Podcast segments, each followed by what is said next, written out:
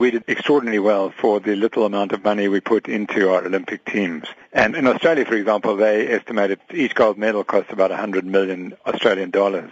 So, you know, these things are not done cheaply and uh, we get away with very little expenditure. So when you look at the analysis, you'll find that China invest an enormous amount of money in their successes. Volgens Noakes is dit makliker vir Afrika lande om beter in 'n goedkoper sportsoort soos atletiek te vaar. It's not as if swimming is not an expensive sport, but the family takes most of the cost actually. That's why we were fortunately successful. We have good swimmers and we have families that can support them.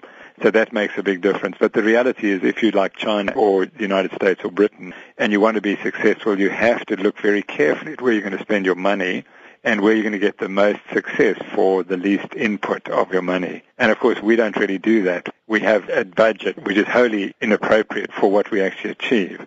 And we don't focus it in any way. Then we produce these results which I indicate I think are remarkable. Maar nou ek sê ons land moet op 'n slimmer manier geld op Olimpiese ontwikkeling spandeer. There's no way we can spend as much money as Australia does. We don't have the infrastructure to absorb all that money. However, if we were to double or treble the amount of money available, I think what one would do is look at the sports where we're competitive and likely to produce some results. And really what you have to do is look for the athletes who are close to world championship standards. And you will see that every medal that we won at the Olympics, you could have predicted it's possible because those are close to world best leading athletes in their performances. That's the only people who ever win medals at the Olympics.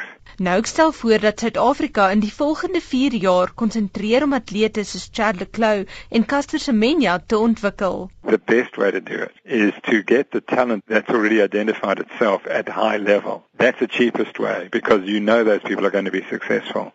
Once you start trying to find the athletes and putting a lot of money in and looking after a lot of athletes, it becomes very expensive. And that's probably not the way we should go. My view is we should take the sports where we're really competitive or close to being competitive and invest in them and make them take the transition to going from, let's say, fifth or sixth in the world to first or second. Nou ek sê ons moet aanvaar dat ons net nooit so goed soos Europa in die kleiner, meer gespesialiseerde sportsoorte soos perdry sal vaar nie. Some sports which we should avoid, like equestrian is so expensive. It's a couple of million rand a year to produce a top person in riding. So that's going to be very, very difficult.